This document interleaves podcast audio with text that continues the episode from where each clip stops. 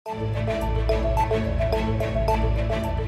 fire år har jeg iallfall for min del venta på denne dagen, for i dag, mandag, kan jeg si i morgen er det valg i USA. Velkommen til Innspurt USA. Mitt navn er Vidar Udius, er politisk redaktør i Federlandsvennen. Og hjertelig velkommen til deg, førstelektor i retorikk ved Høgskolen i Kristiania og USA-kjenner Kjell Terje Ringdal. Tusen takk. Du, du, gleder deg du òg, gjør du ikke det? Eller, eller er gleder et feil ord i denne sammenhengen? Jeg vet nesten ikke. Ehm, Det er akkurat som om ehm, nå må det bare gå den rette veien. Eh, Og så, fordi jeg, jeg, jeg forsøkte litt å forberede meg på alt. Og det verste scenarioet er selvfølgelig hva gjør jeg eh, hvis eh, Trump vinner? Eh, så jeg har liksom forsøkt å ta ut den litt, og så har jeg tenkt ok, hvis eh, han, eh, hvis han gjør det, så er det veldig enkelt. Da bare melder jeg meg ut. Da er jeg ikke kontaktbar herfra og så til sånn ca. 2024. du er klar.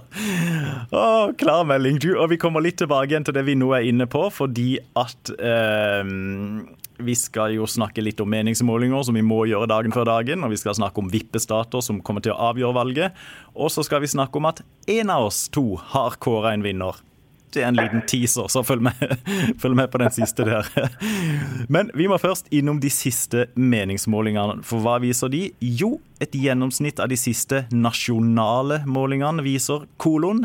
Joe Biden 51,1 Donald Trump 43,9% Det vil si at Biden leder med 7,2 prosentpoeng. Som han jo egentlig har gjort mer eller mindre hele denne valgkampinnspurten. Er ikke det påtagelig, Kjell Terje, at det er, ikke, det er ikke noen voldsomme bevegelser her?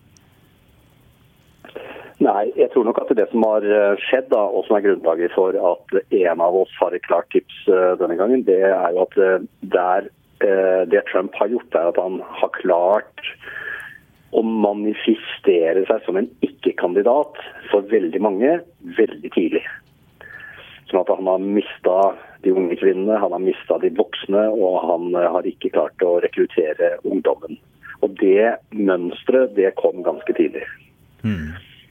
Men så er det jo, eh, som vi har snakket om flere ganger før, det er jo enormt spennende fordi at presidentvalget avgjøres jo ikke nasjonalt. De har jo rett og slett ikke en nasjonal valgkommisjon i USA som erklærer en vinner, men det er jo opp til de enkelte delstatene. og i delstater så kan jo dramatikk oppstå. Eh, Kjell Terje, vi har jo snakka om vippestaten Florida, Jeg har hatt en egen podkast om det. Men det er vel riktig å si at nå i de siste dagene og timene så er det enormt stor oppmerksomhet også om Pennsylvania. Det er riktig. Eh, sånn at, og dette er det mediale ved dette. At når det begynner å bevege seg i en retning, og da i dette tilfellet i Trumps retning, så blir det veldig, får veldig stor oppmerksomhet. Så, og nå vet vi jo da at Florida er fryktelig viktig, og Pennsylvania er også en av de fire-fem veldig viktige vippestatene.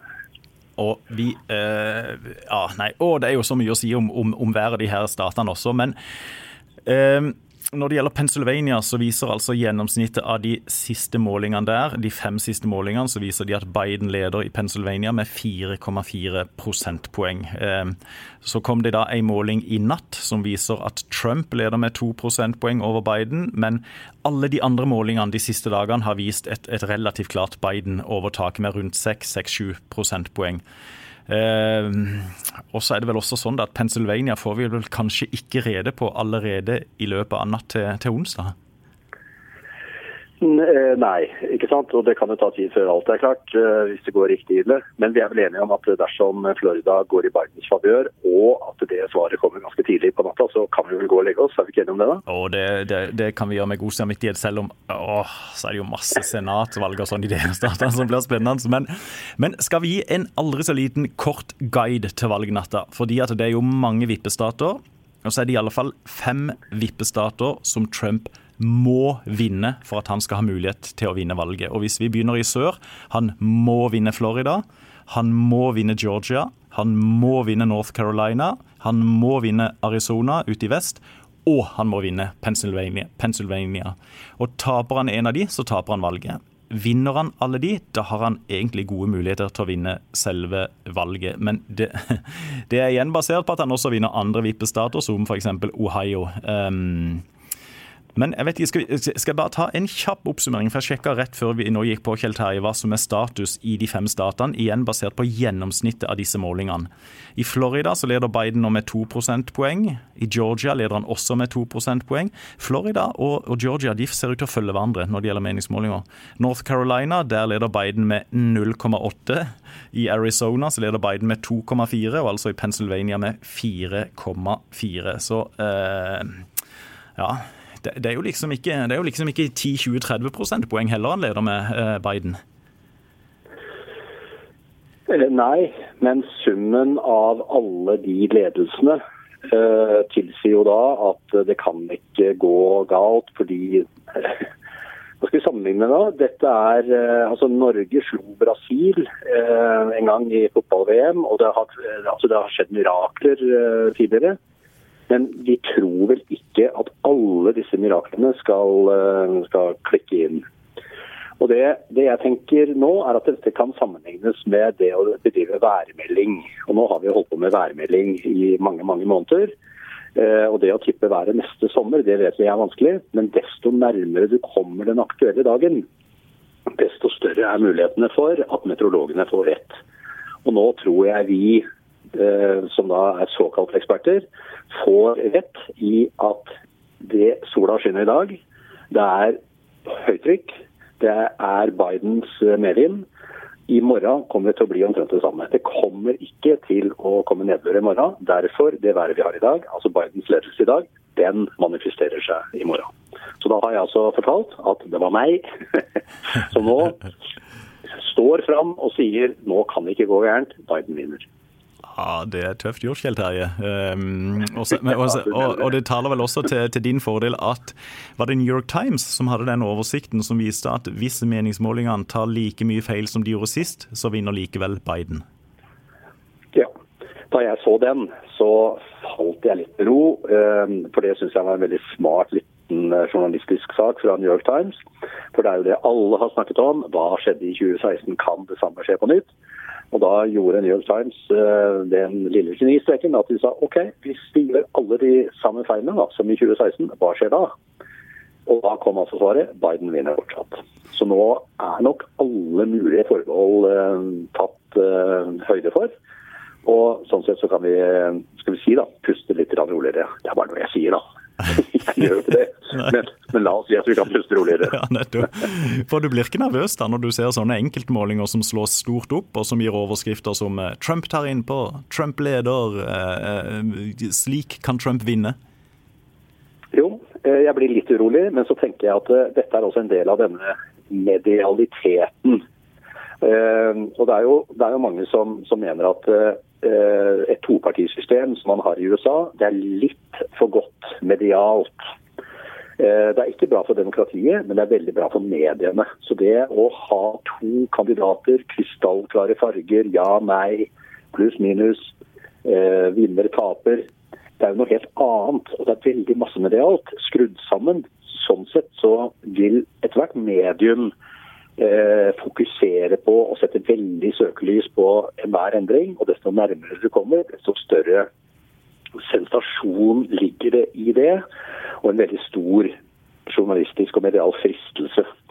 Så Sånn sett så tror jeg nok at uh, alle som driver og rapporterer og bedriver journalistikk rundt det amerikanske valget, har blitt tatt av denne skal si, begeistringen for tydeligheten i Amerika. Mm. Og det er, jo, det er jo, ja, for det er enten den ene eller den andre. Det, det, det er svart-hvitt. Det er en som vinner og en som taper. Det er på en måte ikke som vi er vant til fra Europa, at nå følger måneder med vanskelige koalisjonsbehandlinger. Nettopp. Og det er jo ikke så sexy. ikke sant? Så det, eh, det det norske valget med alt etter som du regner, syv, åtte eller ni partier, og så er det noen som vinner, noen går fram, noen går tilbake, og så er det forhandlinger. Så det er jo mye mer sånn beige, litt sånn tyktflytende prosess som ligger rundt uh, norske valg. Det er veldig bra for demokratiet, så vi skal jo takke vår skaper for at det er såpass kjedelig som det der. Men det er altså den amerikanske tydeligheten er jo med på å øke interessen. Og så er det jo også det er kanskje litt nerdete, men det er jo en egen debatt i USA som går på hvilke byråer har de mest pålitelige meningsmålingene. Og um, Ja, Uten å gå i stor detalj, så er det jo gjennomgående tre byråer mot røkla. Eh, og Det er Trafalgar Group, Insider Advantage og Rasmussen Report. Det høres jo litt norsk ut. Rasmussen Report. Alle de mm. måler Trump betydelig høyere enn alle de andre gjør. Og disse tre byråene her, de er med i alle sånne gjennomsnitt som, som lages. Så det er jo også en usikkerhet. Eh, er det de tre som treffer, og alle de andre som bommer? Eller er de tre helt far off, sånn at Biden egentlig leder betydelig mer enn eh, mm. en det han gjør? Har, du, har du noen kvalifisert oppfatning om det, Kjell Terje? Nei, ikke annet enn at uh, det er klart det å, det å, ha rett her er av stor verdi. Og det uh, at, uh, at man tok feil, altså at Nate Silver tok feil, liksom, selv om han ikke tok så feil egentlig i 2016 det gjør vondt eh, i, eh, i pengepungen.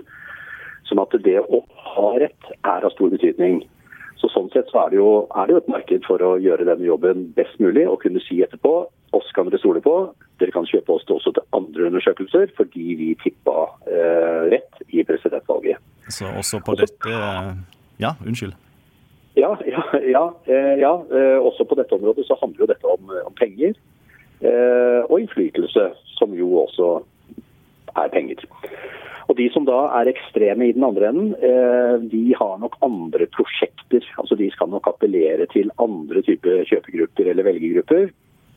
Som at de som da i, eh, de meningsmålingsinstituttene som, som, fortsatt driver og, og, tror at det skal bli, bli, Trump, de holder på med noe helt annet. Mm, Men hovedlinja, hovedlinja er de, de vil tippe riktig, og de vil jobbe hele tida for å gjøre disse undersøkelsene så gode som mulig.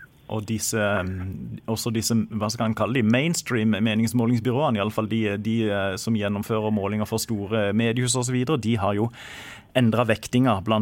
Etter, etter sist valg. Så nå eh, vekter de opp betydningen av eh, særlig hvite som da ikke har utdannelse. De teller nå mer i, i meningsmålingsresultatene, og i tillegg teller de også i større grad til støtte for Trump, de som sier at de ikke vil svare eller ikke kommer til å stemme. Også det er jo basert på, eh, på erfaringene fra, fra, 2016. Og Nate Silver, som du refererer til, det er jo da talleguruen i dette nettstedet 538.com. Um, han, han, regnes jo som kanskje den fremste valgeksperten i USA. og han, eh, ja, han, han er, Når en hører på han, så er han iallfall ikke i tvil om at disse tre byråene som jeg da nevnte navnet på, at de måler på en måte som bevisst favoriserer Donald Trump. Eh, så det Men det er jo en egen debatt, og som du sier, det, er, jo, det er, jo, penger i dette her, også. Det er jo en egen industri i dette også, så det er jo eh, ja, det er jo en av disse mange, mange prosessene som, som pågår her.